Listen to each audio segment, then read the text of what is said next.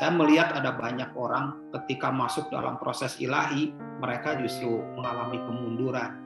Walaupun potensi mereka, talenta mereka besar, tetapi mereka nggak pernah memberikan diri untuk mengalami proses ilahi. Ujungnya mereka hilang. Hilang mereka. Saya percaya anak-anak Tuhan adalah orang-orang yang menaati panggilan Tuhan. Mungkin di awal, setelah itu mereka mengabaikan panggilan Tuhan.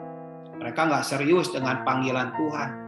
Mereka hanya ingin dipakai Tuhan, tetapi mereka nggak mau menaati, nggak pernah mau menikmati proses Tuhan, nggak pernah mau setia dalam perkara kecil, nggak pernah mau tunduk pada otoritas, nggak pernah mau memberi diri ketika sedang diproses, dia langsung lari, langsung cari tempat untuk kabur. Orang-orang seperti ini orang-orang yang menaati panggilan Tuhan di awal.